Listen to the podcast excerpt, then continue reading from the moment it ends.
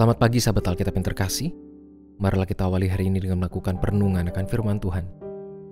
Bacaan Alkitab kita pada hari ini berasal dari Filipi 3 ayat 8 sampai 11. Malahan segala sesuatu kuanggap rugi karena pengenalan akan Kristus Yesus Tuhanku lebih mulia daripada semuanya.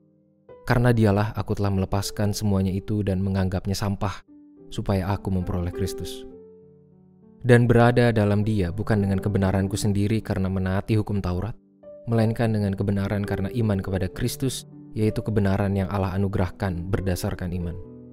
Yang ku kehendaki ialah mengenal dia dan kuasa kebangkitannya, serta persekutuan dalam penderitaannya, di mana aku menjadi serupa dengan dia dalam kematiannya. Supaya aku akhirnya beroleh kebangkitan dari antara orang mati. Paulus telah rela meninggalkan segala kemapanan dan kenikmatan hidupnya yang dahulu berkelimpangan hadir bagi dirinya demi mengalami transformasi hidup di dalam Kristus. Bahkan ia telah dengan sangat tegas memproklamirkan imannya kepada Kristus bahwa semua hal tersebut yang menurut pandangan orang banyak merupakan keuntungan, bukan lagi hal-hal yang layak untuk dikejar dan dirayakan. Hal ini merupakan dampak dari perubahan orientasi hidupnya pasca mengenal Kristus. Paulus telah memiliki standarisasi yang berbeda untuk menilai untung dan rugi atas segala sesuatu di dalam hidupnya. Paulus telah mengalami perubahan penilaian atas sesuatu yang berharga atau tidak berharga untuk diperjuangkan. Acuan utama yang ia gunakan untuk mengukur nilai itu adalah iman kepada Kristus. Inilah bentuk totalitas komitmen imannya kepada Yesus Kristus secara khusus sebagai seorang pengajar Injil. Kita pun perlu mengevaluasi tentang standar penilaian yang kita miliki di sepanjang kehidupan ini Hal ini merupakan salah satu aspek pembentukan karakter seorang umat Tuhan yang sangat penting yang akan selalu berdampak secara nyata terhadap kehidupan kesehariannya. Seseorang yang salah dalam melakukan penilaian akan sangat berpotensi melakukan pengambilan keputusan yang keliru.